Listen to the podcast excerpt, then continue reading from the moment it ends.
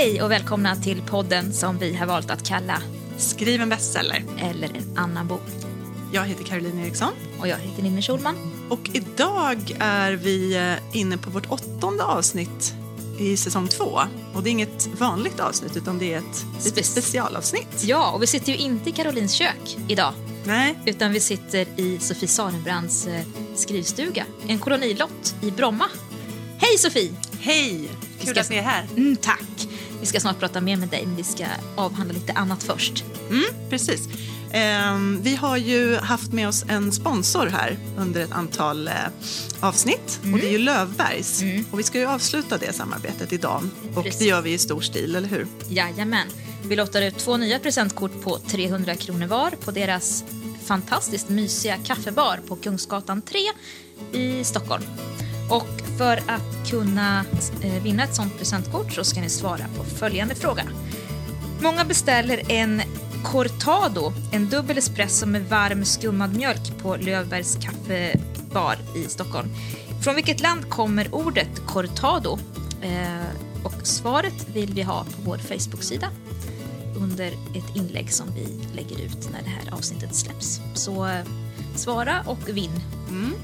Mysigare kaffeställe finns inte. Det skulle i så fall vara den här stugan då.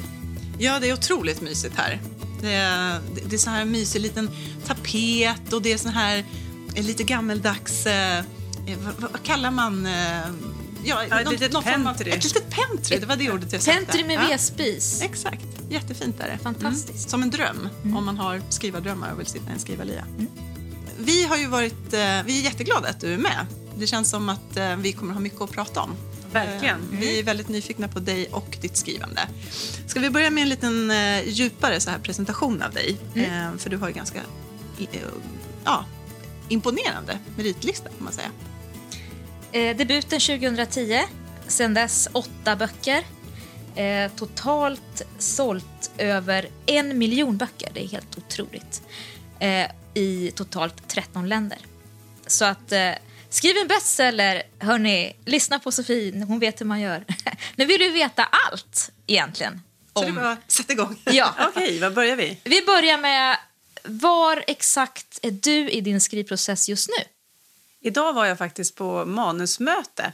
Mm. Eh, det är min nionde bok som jag har skrivit på orimligt kort tid. Och nu fick jag feedback på det första utkastet. Hur gick det då? Jo, men det gick eh, överraskande bra. Jag är oftast väldigt nervös när jag ska på manusmöte och är orolig för hur mycket jobb det ska bli och sådär. Jag tycker alltid det är lite svårt att tänka om. När man har gjort sitt allra bästa så ska man plötsligt börja, ja, även om det är bra idéer, börja liksom eh, inse att nu ska jag ändra där och då ändras allting och hur ska det här gå till eh, rent eh, logistiken där tycker jag är svår, liksom, att få ihop alla bitar och sådär. Men idag var det faktiskt ovanligt positivt. Det kändes eh, roligt och peppande faktiskt. Du ser inte så där jättechockad och nedslagen ut. Nej, nej, jag gick inte hem och grät den här gången. Nej. nej. Brukar du det eller? Ja, nej, men lite så. De första dagarna kan jag känna som, var börjar jag mm. med allt det här? Det här mötet då, det var med din förläggare och din redaktör? Ja. Det är ni tre som ses? Och förlagschefen faktiskt den här gången också. Ja, okay. För jag, jag vill gärna ha med alla i tidigt skede så att det inte kommer sen så tre veckor innan tryck och så har någon gått in och liksom föreslagit 318 strykningar plötsligt och allting ändras ännu en gång. Så att eh, det är bra att alla är med i matchen från början tycker jag. Mm. Det blir en röst ja, till dig. precis. Och så mm. gör de alltid. De sätter ihop sina olika kommentarer så blir det en röst. Mm. mm. Men det är ändå lite sådär jobbigt att sitta tre mot en. Ja. Även om alla vill samma sak. Alla vill ju att det här ska bli en bestseller och att det ska bli en jättespännande deckare. Det är ju inte så att det är några motparter på det sättet. Men de har snackat ihop sig och jag kommer där ensam. Och ensamhet är ju en grej i vårt yrke överhuvudtaget som man kan prata jättelänge om. Ja.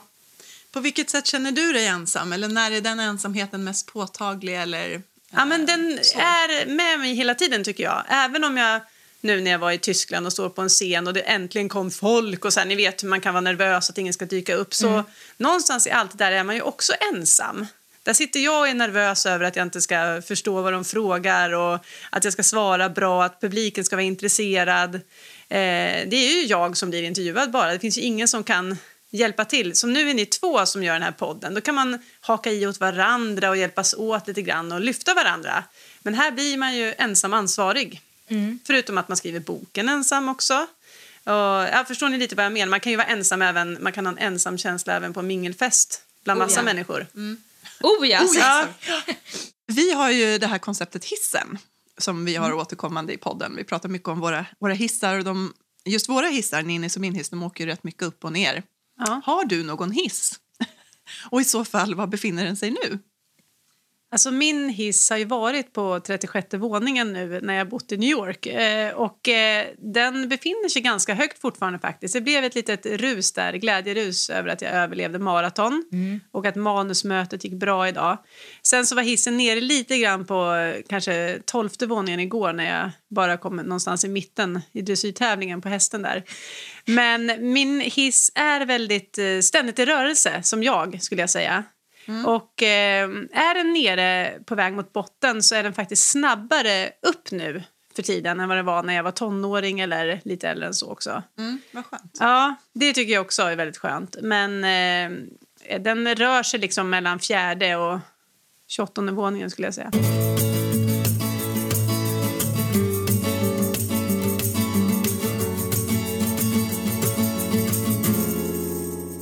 Vi hade ju i säsong ett av den här podden att vi gick igenom skrivprocessens olika faser. Och vi började ju med idéer, för det är ju någonstans där allting börjar. Så kan vi liksom... eh, Du, kan du beskriva hur det är för dig när du får dina idéer? Jag tycker att det kan vara väldigt olika eh, faktiskt eh, med de olika böckerna. Det har inte gått till på samma sätt alltid. Men den mest spännande idén kanske jag själv tycker var när jag var på husvisning och gick runt i ett hus i Bromma där jag kände att här är det någonting som har hänt. Det känns inte bra här. Det är lite mörkt och det är lite dystert och det luktar lite alkohol. Och så kom jag in i något rum och så är det någon ö- jättestor öda i ett akvarium. Bara där kände jag ju att jag, det började bli mer en skräckfilm än en vanlig deckare faktiskt. Men, eh, och då när jag gick runt och tittade i det här huset så kände jag här kommer jag absolut inte vilja bo. Och eh, jag gick ut i trädgården och tittade lite sådär och sen kände jag att ja, men jag tar bara vägen via den här trädgårdshäcken rakt ut på gatan och hem. Det går snabbast så, så slipper jag gå runt till framsidan och säga hej då till mäklaren innan jag går. Och då när jag kliver ut på trotto- trottoaren, då tänker jag hur ska mäklaren veta om alla har gått därifrån? Och där bara började jag rysa och kände så här, men gud, det här är ju en, det är en bok, det är en story, det är en plott. Och då blir man ju helt överlycklig som författare att det bara kommer en idé på det sättet. Men det betyder ju inte att det är en tillräckligt bra idé för att det skulle fungera för en hel bok. Och det tycker jag aldrig riktigt man vet. Men jag kunde inte släppa tanken på det riktigt. Och jag var så inne i det här med sälja hus och köpa hus och alla känslor kring att man ska förändra hela sitt liv och det kostar massor. Man vet inte ens om man får köpa huset fast man vinner en budgivning. Det är så otroligt mycket som står på spel.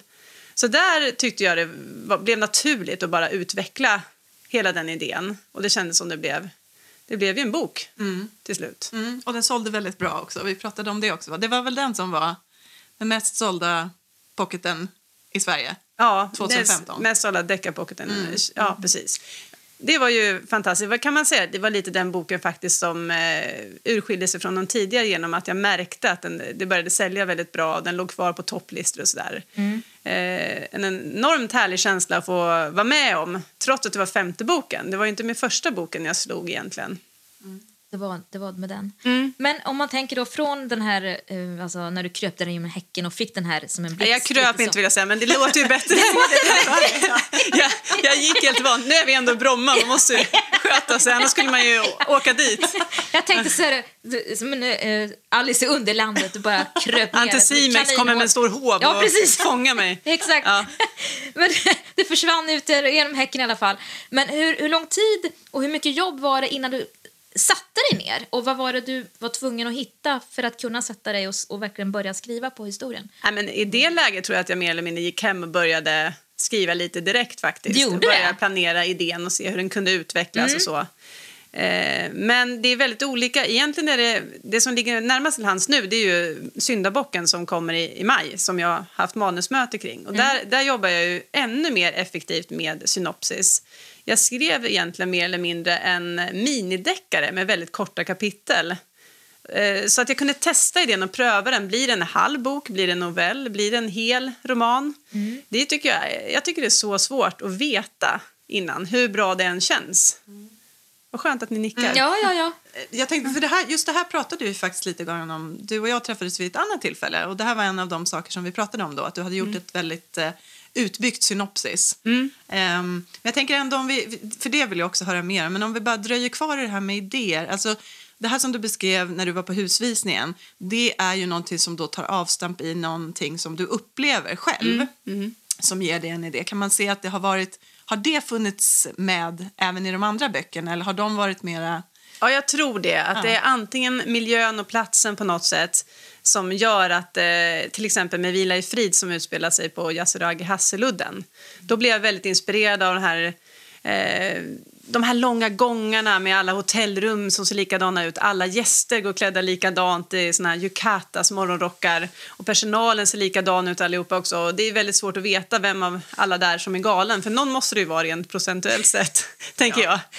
Och det tyckte jag var så spännande. Och hela miljön med den här instrumentala musiken, det kan ju lika gärna bli obehagligt. Fast det är ju väldigt harmoniskt och härligt. Men det kanske bara var jag som låg där lite trött, som aldrig fick sova, för barnen var vakna på nätterna och så låg jag där och skulle vila och istället så låg jag vid den där stora fina poolen och såg mig omkring och tänkte men gud hon ligger ju, hon är ju död hon som ligger där borta i poolen som egentligen då låg och vila. Så började jag se, föreställa mig döda människor runt omkring och där någonstans började idén till den boken. Så det är oftast i en vardaglig Ja, det låter situation så. faktiskt. Som får någon Med lite sömnbrist. Ja, Med lite sömnbrist. Ja. Det kan vara effektivt.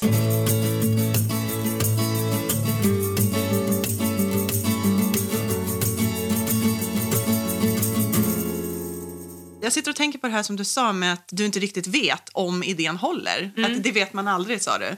Kommer du till ett skede... Nu, nu jobbade du med den här eh, lite minideckaren som du sa, eller ett utbyggt synopsis. Kan du beskriva lite mer då, hur, hur, hur du gjorde där och när du kände att jo, men den här idén håller? Var det när du hade hela synopsisen färdig och hur såg den ut då? Ja, det handlar ju ganska mycket om karaktärerna och hur många röster man ska ha i boken och eh, vad det sker för eh, händelser i boken och känna om det verkligen håller för en hel story. Jag tycker att för mig krävs det ett ganska genomarbetat synopsis innan jag kan känna mig att jag kan pusta ut. För förut gjorde jag inte riktigt så. Då började jag skriva och så tänkte jag att ja, men vi får se hur långt det blir. Jaha, det blev si och så många tecken. Då får man ju lite småpanik. Har jag suttit liksom och skrivit nu i sju veckor och så visar det sig att boken måste tyvärr sluta på sidan 192 när jag vill ha dubbelt så lång bok. Eh, de- Den situationen vill jag inte befinna mig i längre utan jag vill veta att när jag sätter mig och skriver då har jag en hel bok. Sen vet jag inte exakt hur lång den blir men det känns som att det alla komponenter, alla personer finns i boken. Alla mord som krävs, alla villospår, alla ledtrådar och framförallt, vilket jag tycker är det svåraste, slutet. Vad är det som ska hända? Vad ska allt leda till? Vad är det egentligen jag har tänkt här? Det är ju det svåraste och viktigaste i en deckare tycker jag. Jag nickar. Mm. Det är ju det. Var, var, varför ska man dit och vart hamnar man? Liksom? Det är För det som- tyvärr, ibland så är det väldigt många spännande böcker jag läser där man märker att ja, men, åh, de har haft svårt där, de säger jag, menar författaren och kanske förläggaren och redaktören att komma fram till själva poängen med det. Jag vill helst ha en aha-upplevelse på slutet. Mm. Men det Vet du om den innan du börjar skriva? Har du den klar för dig? Ja, det är det jag känner att jag behöver ha starten, ja. Mm. eh, för att veta att jag går åt rätt håll. Men det är klart att det inte alltid varit superbra idé kanske. Så eh, det är viktigt såklart att kunna vara liksom beredd på att utveckla under skrivandets gång. Det blir ju inte så levande annars om allt är precis helt uppstyrt. För då kanske det inte blir så kul att skriva. Det kanske känns mer som man sitter på, ja, i en verkstad och bara försöker jobba löpande band eh, skrivande. Det, det vill jag inte heller att det ska bli. Men det är en svår balansgång att veta, för vet man inte att man har planerat det tillräckligt bra, då tar man väldigt stora risker också. Så någonstans mittemellan där vill jag ju helst vara. De här som skriver, för det finns ju faktiskt såna kollegor till oss som, som skriver som i princip sätter händerna på tangentbordet och inte riktigt vet vart de ska utan sätter igång och så blir det, man, man utforskar lite längs vägen och så. Eh, det låter inte riktigt som att det är din melodi. Eh, Jag tycker att det är för mycket risker i det. ja. Även om det låter lite härligt så tycker jag skulle bli nojig och nervös och få så mycket ångest under skrivandets gång och inte riktigt lita på mig själv och få dåligt självförtroende och så. Men har man den förmågan och vet att det löser sig mot slutet och kan vara avspänd i det, då är det ju bara att gratulera skulle jag säga. Ja, Det låter som att de har kommit fram till den här metoden efter lite så här prövningar längs vägen. Vilken, vilken eh, bok har du känt att, att du har upplevt som svårast att skriva och vad hände då? När du, om du körde fast riktigt rejält?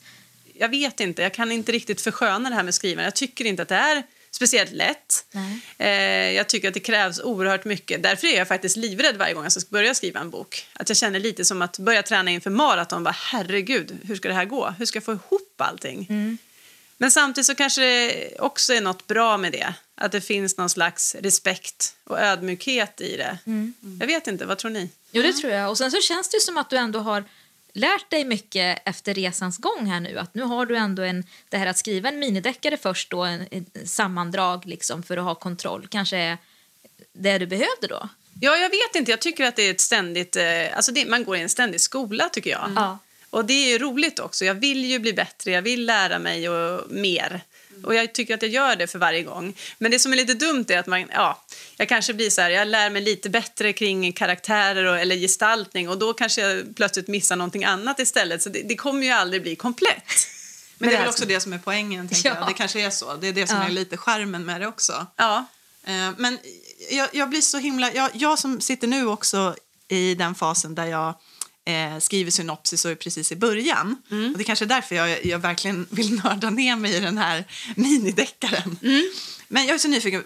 Eh, du kanske inte vill, vill eller kan ge ett konkret exempel, men hur, hur kan ett sånt kapitel se ut då? Ett förkortat kapitel. Vad är det som ingår och vad är det som inte ingår?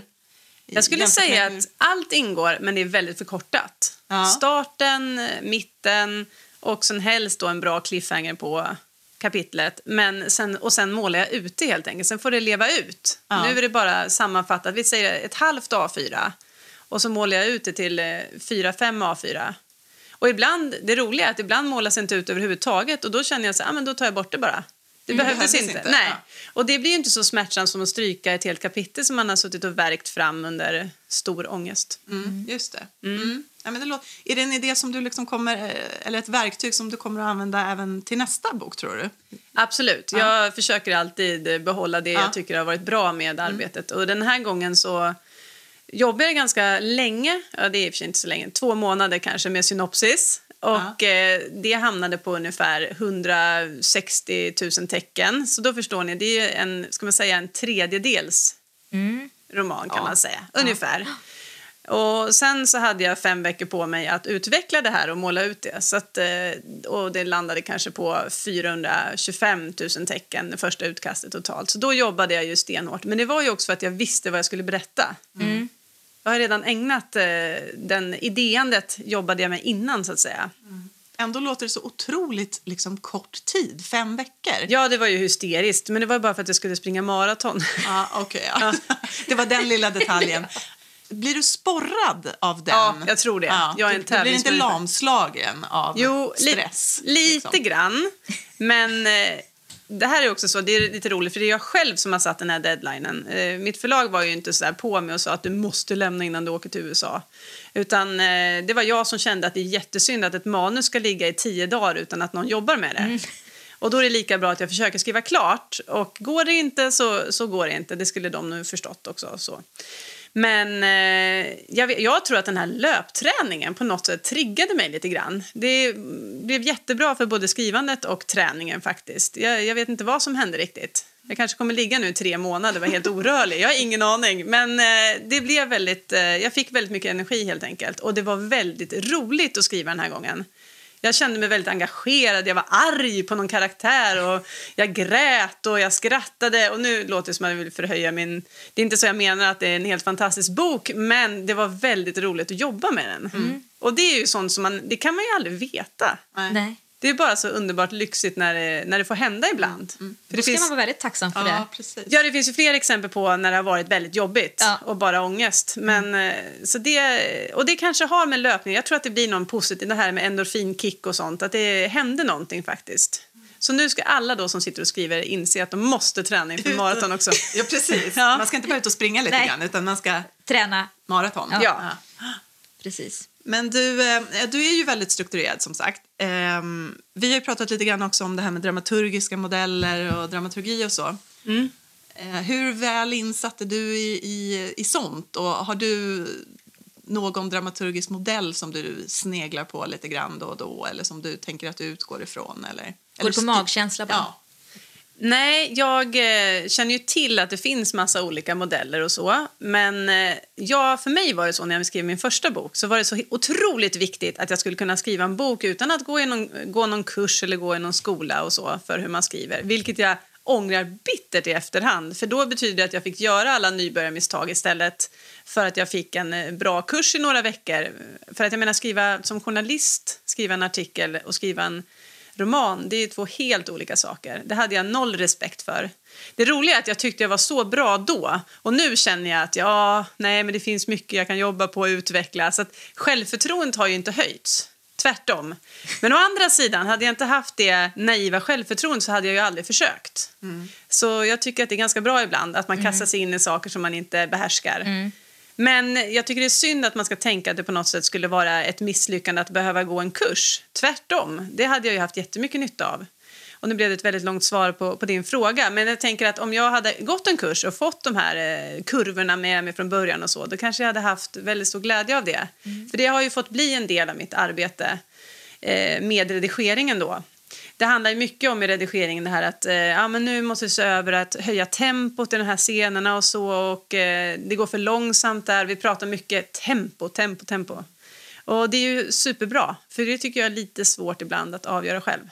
Jag kan tycka något är spännande som de bara, här händer ingenting. Ska inte hända något här?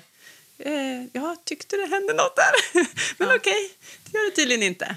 Så nej, jag går väl på någon form av magkänsla och har väldigt proffsiga eh, redaktörer och förläggare som ser till att jag styr upp det som jag uppenbarligen inte har med mig från början då. Vi debuterade samtidigt du och jag 2010. Jättekul. Ja.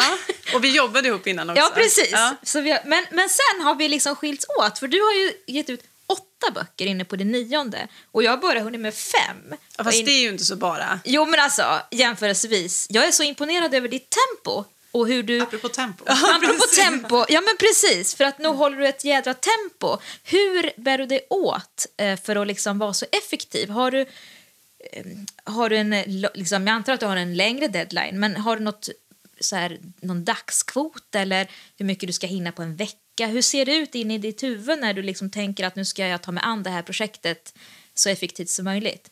Ja, men allting började egentligen med att tredje boken kom ut 2012 och då kände jag och eh, min man att ja, men nu får man välja lite här. Ska jag satsa då på det här med författarskapet eller ska jag fortsätta jobba som journalist och göra lite så här vid sidan om när man hinner? Och då bestämde jag mig för att kasta mig ut i det lite osäkra, fria. För det var ju inte så att jag kunde leva på mina böcker då. Eh, mycket tack vare att min man också sa det, nu kör vi. Så han var väldigt stöttande där och det hade jag nog faktiskt inte vågat annars. Så det är ju väldigt avgörande i att eh, jag har kunnat skriva många böcker. Eh, jag, jag har fått liksom chansen verkligen att få jobba och koncentrera mig på det. Och då tyckte jag att det blev lite lite att göra nästan först jämfört med hur mycket jag jobbade. Jobba heltid, skriva boken, ut och lansera den. Så att jag har aldrig tänkt att jag har haft ett högt tempo. Faktiskt. Nu låter det som... Ta, jämför inte med dig på något sätt, för vi har ju olika liv. Det är det jag menar. För mig blev det mycket tid helt, helt plötsligt och då fick jag chansen att skriva. Men å andra sidan, skulle plötsligt idéerna försvinna, vad gör man då? Då blir det ju ingenting. Det är nästan min största ångest att man får idékramp, inte skrivkramp, utan bara så här, jag har ingen idé. Nej, Då går det inte att skriva en bok. nej. Så det, är ju lite, det har ju lite med det att göra också. Mm. Att jag får många idéer, sen så ska man orka förvalta den och så såklart. Men det var lite det, där tog jag steget och då kände jag att det måste ju bli en bok per år i så fall, så man håller igång. Helt enkelt. Just det. Men hur mycket skriver du på en dag då? När jag är inne i den här skrivperioden. Eller skriver du en viss tid eller sådär? Ja, alltså då har jag något satt upp något mål från början sådär att 5 000 tecken per dag eller 25 000 per vecka. För Ja. det är inte så att man kanske kan jobba med skrivande varje dag. Eh, nu blev det ju lite mer stressat den här gången. Men eh, det var faktiskt till och med så att jag själv satt och kände, men vad hände här? Nu bara skrev jag på Ungefär som när man sitter och läser en jättespännande bok eller ser någon tv-serie och inte kan sluta. Så var det med skrivandet nu. Jag, jag, tror inte att jag varit med om det förut. Kanske lite vid min andra bok när jag visste att jag skrev en bok som faktiskt skulle bli utgiven. Det var ju väldigt stort. stort ja. Ja, det var sånt glädjerus. Jag bara skrev och skrev. Eh, för att jag kämpade hårt med min första bok och ändrade väldigt mycket och fick vänta många år på att få den utgiven. Nej, men idén, ibland händer det ju faktiskt att idéerna inte riktigt finns där och då går jag ut och springer eller åker till stallet eller sjunger eller bara försöker göra något annat. Det går ju liksom inte att forcera fram idéer, Nej. tycker jag. Har du redan nu någon idé till eh, liksom, nästa? Ja. Nu, nu, är du, nu går du in i redigering, Ja. men du har, ja. Ja. du har idé som du... Ja, och det gör att jag kan bli lite mer harmonisk människa. För jag, det gör mig mest nervös, att gå omkring och vara orolig för att, jag inte ska, att det bara ska ta slut plötsligt. Då måste man ju börja jobba med något annat.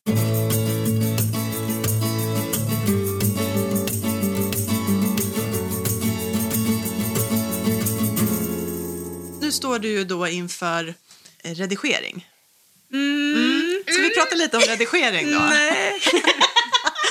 Vad har du lärt dig hittills om redigering som du kan dela med dig av till oss? Alltså det jag lärt mig om mig själv och min egen personlighet det är att jag vet att jag blir jätteuppstressad, livrädd, mår jättedåligt när jag får feedback och sen eh, brukar det lugna ner sig och så brukar jag kunna sätta mig och ta tag i det så att jag inte får sån chock varje gång jag får feedback att jag tycker att det är så jobbigt. Mm. Jag tar det så personligt och jag tycker att jag är så dålig och ja, de hittade allt, de tycker jag är värdelös. Jag hör ingenting av komplimanger när jag får. Det är jättesvårt för så. För, eller jag har jättesvårt för att ta komplimanger och allt det bra bara försvinner. Och så kommer jag ihåg det dåliga. Och vet inte hur jag ska lösa det. Det är samma sak som i DNet egentligen. Hur löser jag det här? Det. Paniken. Tänk Ja. om jag inte Paniken, ja. lyckas lösa det. Ja. Så eh, jag, eh, till exempel den här gången har jag fått övergripande kommentarer då på hela manuset. Att det, det kanske finns någon relation som behöver tvistas till lite eller ändras eller byggas upp så att allt inte händer på en gång och så. Då har jag med mig de övergripande sakerna eh, och sen så har jag fått också ett manus där, eh, där de går in och ger exempel på här behöver det hända något eller den här kanske ska tonas ner, stryk det här kapitlet och så. Och jag vill ha så konkret som möjligt. Det blir mycket lättare tycker jag att jobba med än att det ska vara lite svävande. Någon gång har jag fått till exempel så här 25 sidors feedback på separata A4-papper och jag vet liksom inte riktigt hur jag ska förvalta det. Nej. Jag har inte riktigt den förmågan eftersom jag har panik. Ja. Jag kan inte ens andas. Nej, det, är svårt, kunna... det är svårt att veta eh, vad i allt det är som är viktigt Ja. och vad som är en liten bisats. Liksom. Precis. Ja, det är äpplen och päron. Ja, det är och det är liksom högt och i- lågt. ja. och- också att förstå att ibland är det så att ja, men det behövs något mer där och det kan räcka med en liten, liten gardin. Liksom, som måste Som komma in där, som fladdrar eller en skugga står bakom. Det var det, det var det enda de menade, men jag tror att jag behöver skriva om en halv bok. Ja, ja, ja. ja, ja. Jag tycker det är svårt att förstå ibland. Så. Är jag trög? Nej, jag, Nej, jag, ty- jag känner igen jag dig. känner igen Ja. det jätteväl. Absolut. Men hur förhåller du dig idag till, till den feedback du får? För jag tänkte, du, du, i den här raddan av grejer som du sa, så sa ja, men stryk det här kapitlet eller så. Tar du alla synpunkter eller så som du får? Eller finns, finns det också tillfällen där du säger nej, fast faktiskt så för mig känns det viktigt att det här kapitlet är kvar? Eller att, den- alltså, förstår du hur jag menar här? Jag tror att vi brukar, nu för tiden så diskuterar vi och jag kanske förklarar en scen som de inte riktigt har förstått. Och då kan det bli så här, "Jaha, är det så du menar? Men då kanske man ändrar en sida så, då blir det ju, då framgår det bättre och då behövs scenen. Men det kan ju vara att jag har uttryckt mig fel som gör att de läser på ett helt annat sätt. Och eh, är det fortfarande så att de känner ja fast den behövs ju inte, då, då tar jag bort den. Jag är ganska foglig men lite så här arg och sur och ledsen i hemlighet. Ja. Och känner mig lite kränkt. Men eh, jag gör oftast i slutändan som de säger. skrattar så här igenkännande här. Jag tycker det är så himla skönt att höra någon som faktiskt säger, Som det säger är. just det du säger. Ja, Eh, därför att jag tycker att det finns så många, alltså det är det här att det, det, det finns något så speciellt då ömtåligt i den situationen. Mm. Om man vill så gärna vara den som säger att jo, men det, det, är, bara en, det är bara en text jag har skrivit och, och det är klart att jag vill att den ska bli bättre och det är fantastiskt att få konstruktiv feedback. Men det Jag- är det ju inte jämt. Nej, Nej. Alltså, det, det finns ju också något djupt personligt i den där texten. Som Ja, man har som ju gjort bort där. sig lite helt man har enkelt. gjort bort Ja, sig, ja. exakt. Precis. Ja. Någon fattar inte hur bra det var. Nej. Eller man själv trodde att det var bra så var det bara skräp. Alltså Ja. det är lite den. Men tror ni inte att det är enklare då när man, som jag har skrivit väldigt eh, snabbt den här gången, att det blir inte riktigt lika känsloladdat att ta bort saker, utan det känns som att allt är möjligt fortfarande. Mm. Men när jag jobbat i fem, sex månader med ett manus, då är faktiskt inte allt möjligt längre. Då kommer jag slåss för en scen som är helt värdelös, bara för att jag har jobbat med den. Så kan det faktiskt vara. Mm, det ligger Eller inte helt värdelös, men ja, ni Nej, förstår. men, ja. Just det, man kanske förväntar sig mer av sig själv också eller att förlaget också förväntar sig. Om man har jobbat har längre. suttit ett halvår med någonting. Ja, Mm. nej, men det är jobbigt när saker och ting kastas om i sista sekund Mm. och alla plötsligt blir tveksamma och det ska börja ändras på saker och sådär. Och jag är faktiskt inte helt säker på att det alltid blir bättre heller. För börjar man ändra vissa saker mot slutet då plötsligt så blir någonting annat fel i manuset. Det är superläskigt. Mm. Finns det något tillfälle där du har känt att du har gått med på en ändring som du ångrar lite idag? Ja. Berätta. På den nivå du vill. Ja, nej, men, jag eh, tycker fortfarande att det är lite jobbigt att jag tog bort eh, några kapitel som låg mellan eh, kapiteln eller datumen i Vila i frid, min första bok om Emma Sköld.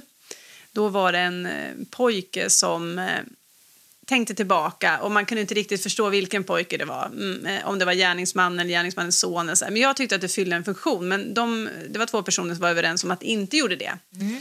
Men min eh, brorsas eh, fru, hon är ju väldigt duktig på litteratur. Hon läser alltid mina manus innan de ges ut och sådär. Och, och hon sa det när hon läste boken. "Ah, Jag saknade verkligen pojken. Åh, det är så jobbigt att höra. Ja, För att att du kände att det ja, var... för jag ville ju inte. Mm. Du vill jag- inte släppa det? Nej, jag vill inte Nej. släppa det. Och jag säger fortfarande inte att jag har rätt på något sätt. Det kanske var någonting de såg med det som inte var bra.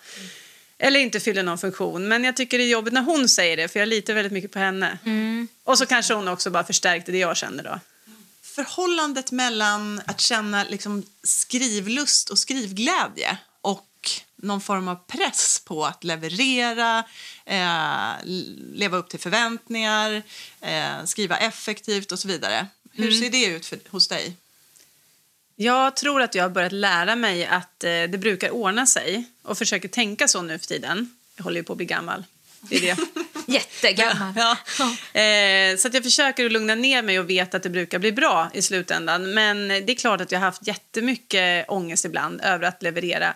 Inte bara i skrivandet utan även i intervjuer, på fotograferingar, på en scen. Jag känner att det är lite orimligt hur mycket man ska klara. Det är inte säkert att jag kan sitta i radio och bli intervjuad eller i en podcast och uttrycka mig bara för att jag har skrivit en bok. Och det tycker jag ibland är lite svårt att förhålla sig till. Det är väldigt mycket som eh, krävs. Det är många roller man ska spela. Ja. Ja, vi pratade om det i vårt senaste avsnitt, Mm. om det här att, att vara författare och eller entertainer. Ja. Eh, Att, eh, bara för att man har skrivit en bok så ska man sen stå på en scen och vara lite kul sådär. Och, och hur- Underhålla, liksom. Underhållande, s- lite ståuppkomiker liksom. Och så ska man eh, vara lite djup och så ska man vara... Det är så många bitar som man ska hantera. Det är inte Ja, jag bara vill inte bada i någon så här ketchupbad på Fångarna på fortet. Nej. Liksom, bara för att jag skriver deckare. Nej. Men vissa vill det och det är ju fine. Men eh, man är så himla olika.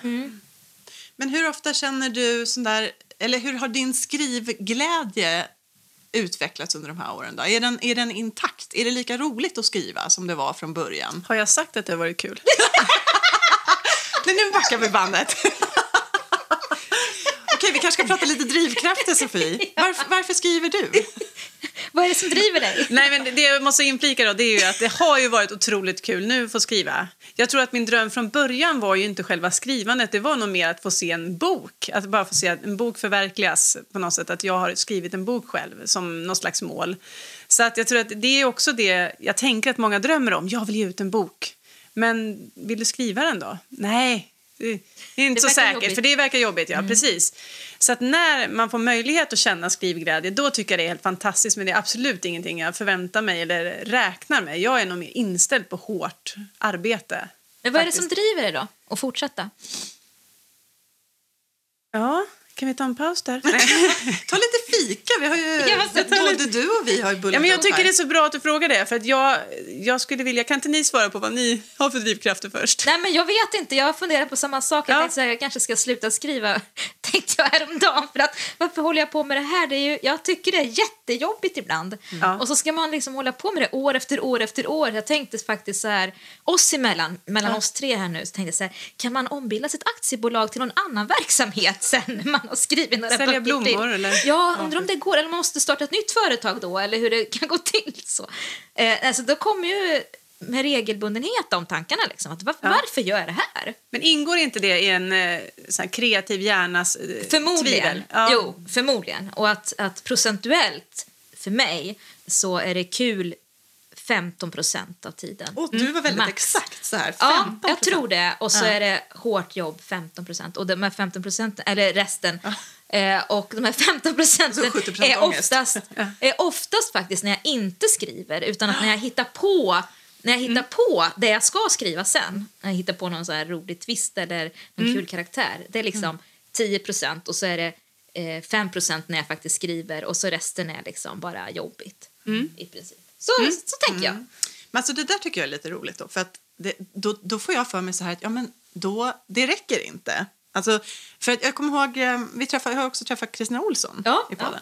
Jag kommer inte ihåg om hon sa det i podden eller om hon har sagt det i ett annat sammanhang, men hon är ju väldigt så här, hon sa så tydligt och rakt att ja men det här med att skriva det är ingenting man måste göra. Man måste försörja sig, man måste ha ett jobb, men man måste faktiskt inte skriva. Och är det inte roligt så finns det ingen anledning att göra just det.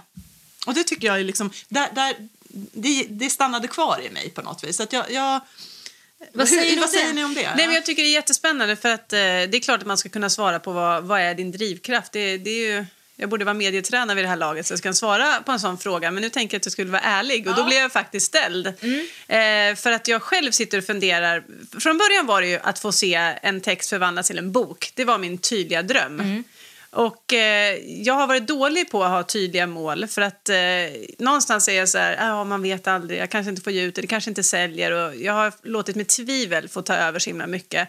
Men jag älskar ju böcker, vi kan ju börja där. Jag älskar deckare, jag vill verkligen kunna skriva en superspännande bok och det driver mig ju framåt. Så det är frågan om, och sen är jag väldigt rädd av mig och jag tycker det är spännande att gå in i mina rädslor och bara förvandla dem till en jätteobehaglig historia och då blir det plötsligt terapi och det är, det är lite sorglig drivkraft om det skulle handla om det.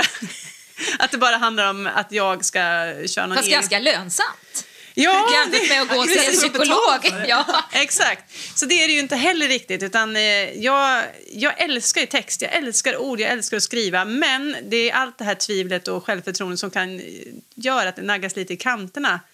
Eh, vilket kanske låter konstigt när ändå böckerna säljer. Jag tänkte och- precis säga det, du säljer ju som smör. Liksom. Du säljer ju jättemycket böcker. Ja, men det gör ju ni också. Ja, men hjälper det inte då? Alls? Jo, det tycker jag faktiskt att det gör. Ja. Det är så här, I början när jag fick några dåliga recensioner för min Mm. första bok, då blev jag så ledsen och så knäckt och kände att jag ska aldrig mer utsätta mig för det här. Och nu när det börjar gå bra med försäljningen, då känner jag att då kan jag ändå luta mig tillbaka mot det och peka på det istället. Så, ja, ja, men uppenbarligen så gillar många det jag skriver och eh, då behöver jag inte vara så nojig över att en person har gett mig en tvåa på Storytel. Nej. Nej. Utan då kan jag luta mig tillbaks och det känns som en trygghet och det kan göra att jag får lite självförtroende faktiskt. Jo, så det hjälper. Mm. Men det borde gälla er också då. Så försök inte. Nästa, nej, nu går vi vidare. Nu går vi vidare.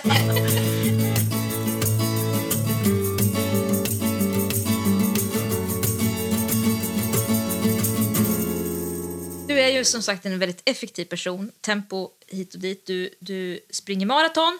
Grattis, måste vi säga. Ja, Tack. New York otroligt maraton. imponerande. Ja, jag är så imponerad så att det är nästan sjukt. Du rider, du har två barn. Vad väljer du bort som andra människor har i sina liv? Ibland får jag ju frågan så här, oj oj oj, du verkar ha 48 timmar per dygn, vi andra har 24. Mm. Och så har jag nästan blivit lite så här glad först och sen inser jag det är ju egentligen en jättekritik. Att jag håller på som en idiot och springer omkring och gör tusen saker istället för att bara tagga ner lite och koncentrera mig på några grejer. Så det är inte Men jag är att- mer imponerad. Ja, jo, jag förstår det. Ja. Men jag, det behöver inte bara vara positivt att man är en person som måste förverkliga massa idéer hela tiden. Och konstigt nog så kanske man inte kan tro det, men mitt stora fokus är ju barnen och familjen. Och jag är ju hemma hela tiden och jobbar hemifrån, så jag får ju vara väldigt mycket med dem. Men medan det kanske ser ut som att jag är ute och far på saker precis hela tiden. Eh, men det, det tycker jag nästan är den största glädjen i det här jobbet, att ändå kunna vara så mycket hemma faktiskt. Sen hamnar man ju i kläm när man jobbar hemifrån. Det är ju sådär, oj jag glömde mina gympaskor, kan du cykla förbi med dem och sådär. Det är ganska mycket sådana saker. Du och det, som ändå är hemma. Exakt, och så var det lite fritids eh, med 26 elever som dyker in och ska baka plötsligt eller göra slime och sådär. Och sen så sitter man och så skriver slutkapitlet eh, i boken och så. Men det finns ju något skärmigt över det också såklart. Det är ju underbart. Eh, nej men jag är väl kanske ganska effektiv då. Ja, och det ska man inte behöva be om ursäkt för. Nej, jag tror också snarare inte. att det är någon sån här, det, det som ligger under en sån fråga kan också vara någon, någon form av Apropå det här tvivlet och så, att man känner en viss avund. Alltså att, eh, hur, hur, vad är det jag inte lyckas med? Fast jag kan känna mig Eh. nästan avundsjuk på människor som kan slappna av. Jag är ju uppe hela tiden och gör saker. Jag har ju väldigt svårt att tagga ner faktiskt. Du är inte person, en person som gör ingenting så ofta. Nej, jag är väldigt svårt för att göra ingenting. Jag är väldigt svårt för att njuta. Jag är svårt för att vara liksom, stolt och glad över vad jag har presterat. Och då är jag redan inne på nästa grej på något sätt. Men eh, där har jag ju stallet och hästarna. Och det tar ju både lite tid och eh, är rovfyllt för mig. Det är absolut ingen press. Fast nu har jag i och för sig börjat tävla och inser att jag inte är så bra på det. Så att då blir jag lite stressad. Så man kan alltid utvecklas även där. Men det är i alla fall eh, mysigt och härligt att vara i stallet och det blir lite min grej. Så, och löpningen gör ju också att jag kanske orkar. Men självklart är jag medveten om att jag eh, får ju vara lite försiktig så att jag inte jobbar ihjäl mig. Det är ju synd. Vi var inne på sociala medier Ja, också. precis. eh, Kom in på själv. Du är väldigt aktiv där. Ja, jag har ju någon form Är det av... kul då? Ja, jag älskar sociala medier faktiskt. Ja, det gör det. Eftersom jag jobbar ensam hela tiden så är det så otroligt roligt att ha lite kontakt med omvärlden. Och eh, jo, men det kan jag säga också på någonting som jag lite försakar kanske, som ni undrade över, förutom städning då. Det är ju lite grann av det sociala med eh, vänner och bekanta. Att jag är ju inte så jätteduktig på att bjuda in på middagar och jag känner att det hinner jag inte riktigt. Nej. Så, och det kan jag tycka är lite tråkigt ibland. Så att, eh, det blir lite grann att eh, sociala medier får fylla en funktion där. Och eh, jag blir så himla glad när någon skriver något positivt och snällt om böckerna. Och det är ju faktiskt väldigt snällt klimat på mina sociala kanaler. Det är jag jätteglad för. Jag vet inte varför det är så. Men kanske för att jag inte sticker ut näsan och provocerar så ofta. Jag vill liksom inte ha bråk och tjafs. Jag vill ha det som en positiv sak i livet. Och så älskar jag att fotografera. Så jag får snarare begränsa mig så att jag inte håller på och lägger ut precis hela tiden. Det är nästan min största dilemma. Att jag har så mycket jag vill visa och det låter ju lite knäppt. Ska vi sätta någon diagnos? Men du, har du någon strategi för dina sociala medier? Alltså du jobbar med, vad har du för några? Du, du kör med Instagram? Ja, Instagram och så har jag min Facebook-sida. Facebook-sida. Mm. Ja. Ja. Och har du någon, har du någon sådär genomtänkt strategi kring... För jag tänker att ibland så kan man eh, mer och mer har det blivit så där att man eh, kan få tips även från förlag och så vidare. Att så här jobbar man med so sociala medier och tänk så här när det gäller Facebook och så här när det gäller Instagram. Och att det finns väldigt mycket sådana eh, ja, ganska genomtänkta handlingsstrategier. Liksom. Har du sådana Ja, det finns ju strategier? ingen PR-byrå som ligger bakom det hela och talar om för mig vad jag ska göra eller inte. Däremot så eh, försöker jag jobba mer och mer mot att eh, bjuda på mig själv och mina misstag och istället för att bara visa den här guldkantade tillvaron och sådär. Vilket jag tycker är svårt att göra precis i början av ett författarskap för då är liksom ingen intresserad. Då håller man fortfarande på att bygga upp sig själv som författare. Men det tycker jag nästan är det roligaste. Och det tycker jag Insta-stories, där fyller ju det är en väldigt bra funktion. För där kan man ju också bara lägga upp lite grejer utan att det är så himla noga och tillrättalagt. Så mm, ja, där har jag väldigt kul. Jag kanske borde hejda mig lite, men jag vet inte. Jag tycker det är roligt. Så man kan ju bara avfölja om det blir för jobbigt. om jag tar över någons liv plötsligt. så. Känns här invaderade. Finns det några nackdelar då med sociala medier? Eller finns det stunder när du känner att det tar energi eller att det skapar, spär på någon, någon oro eller tvivel i dig? Finns det Ja, ibland vill jag ju bara sluta med det helt om jag ska vara helt ärlig. Vad, tänk, så här, vad, vad kan föranleda det? Eller vilken typ av... eh, Vad tänker du då? Vad är det för... Är det egna, Typ uppdateringar. egna uppdateringar eller det att du läser andra som Ja, men får jag kan bli dåligt eller hela grejen? Ja, hela grejen jag kan störa mig på att eh, det tar över ibland. Att jag tycker att det är så intressant och. Det är enklare att sätta sig och scrolla på Instagram än att läsa en bok. Men jag läser fortfarande väldigt mycket. Men ibland känner jag att det är lite för rast, alltså det gör mig rastlös där med sociala medier. Eh, och jag kan undra vad, vad finns spänning i det hela? Hur kan det vara som ett gift på något sätt? Det kan göra mig irriterad på mig själv. Men sen har det hänt någon gång att eh, någon har skrivit något väldigt elakt och det har tagit väldigt stor energi från mig. Och då kan man också börja undra varför. Liksom. Mm. Varför håller jag på med det här? Varför utsätter jag mig för det här? Liksom? Mm. Mm. Och, um, då måste jag i så fall lära mig att inte ta det så personligt. Oftast är ju människor som är väldigt elaka, de kanske bara riktar, råkar rikta det mot mig fast de mår dåligt själva och så där. Det är ju oftast inte så att jag egentligen har gjort dem någonting. Förutom att skriva en bok då. Mm. Ja. Jag tänker också på, det här pratar vi ju en del om du och jag, Ninni. Mm. Eh, och vi har pratat om det med våra gäster tidigare i podden också. Det här med sociala medier är ju någon form av också en del av det här med eh, varumärke ja. och varumärkesbyggande som är ett begrepp som man kan förhålla sig lite olika till som författare. Ja. En del är väldigt positiva och tycker det är någonting självklart och andra reagerar liksom med att slå lite bakut. Så hur, hur tänker du kring det begreppet varumärke? Har du ett varumärke och hur ser det i så fall ut? Men jag tycker att det är så idag att man måste på något sätt bara acceptera att eh, om man vill lyckas och få fortsätta skriva böcker och så, så måste man nog kanske tänka sig tanken Eh, det har ju lite med det här med kommersiellt att göra, ful eller fin litteratur och så. Och jag eh, är ju en stolt ful författare. Jag, tycker, jag vill skriva deckare, jag står för det, jag är jätteglad för att jag får göra det. Eh, och jag är medveten om att, att allt har ett värde på de här sociala medierna. Det kollas ju liksom direkt hur många följare har personen och alltså allting värderas. Vi författare värderas hela tiden. Från agenter, från förlag, från utlandet och sådär. Jag tycker det är jobbigt att man blir mätt. Liksom. Oj, hon har 4,23 betyg på Storytel på sin senaste bok. Man kan liksom inte komma undan på något sätt. Men eh, och eh, vet man om det så är det, liksom, det är ju lika för alla på något sätt.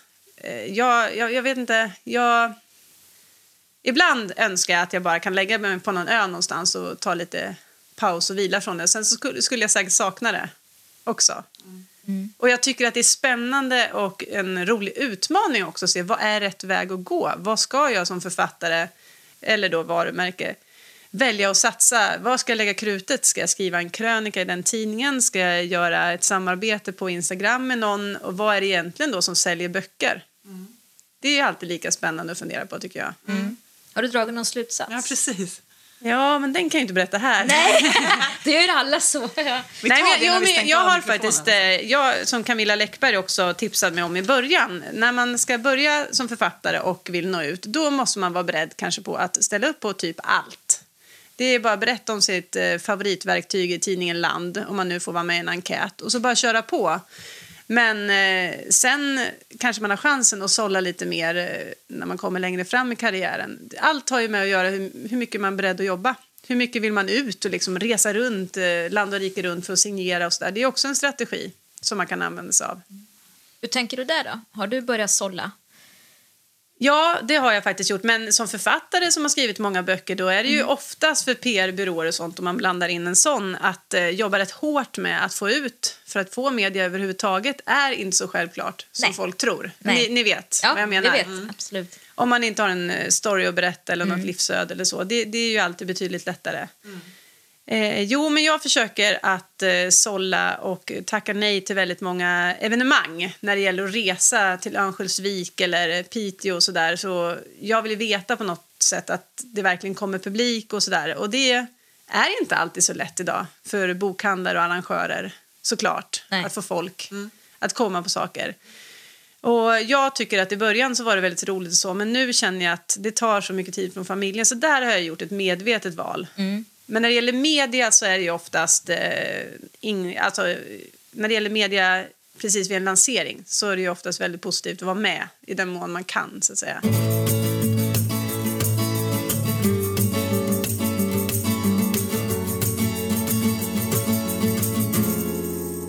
Vad är ditt favoritverktyg? Ja du. Om nu tidningen Land ringer och frågar. Sågen eller hammaren eller ja, kofoten. Pratar vi om eh, till trädgårdsarbete eller för eh, rena mord? Rena mord kan vi ta. Ja, nej men jag tror att, eh, inte för att avslöja för mycket, men i nästa bok kommer en kofot att figurera. Aha. Da, da, da, mm. Mm. Mm. Är det en fortsättning på din senaste? Det är en fortsättning på Emma Sköld-serien. Så det är den Okej. efter Tiggaren. Okej, då hoppar Okej. tillbaka till henne. Hoppar tillbaka till henne, sen hoppar jag tillbaka till den andra. Mm. Vi växlar lite så. Försöker utmana mig själv lite som författare. Ja. Just det. Kanske också ett sätt att hålla den här lite lusten. Den Ja, här, eh, ja. Verkligen. Det kanske är drivkraften, att Ja, utmana sig. precis. Ja, Det, det, är sig. fin- ja, men det är ju väldigt roligt. Man behöver ju för sig inte springa maraton bara för det. Nej, det, det är bra att veta. Ja, det var... Har du, eh, har du några mål? Sådär? Du, du nämnde vid något tillfälle att du inte var sådär att du satte upp mål och så. Men har du, har du något eh, liksom som du skulle vilja uppnå i din författarkarriär? Sådär, nästa grej? Ja, men den stora saken som från början har varit en dröm det har ju med tv-serie och film att göra. Och än så länge så har jag inget påskrivet avtal.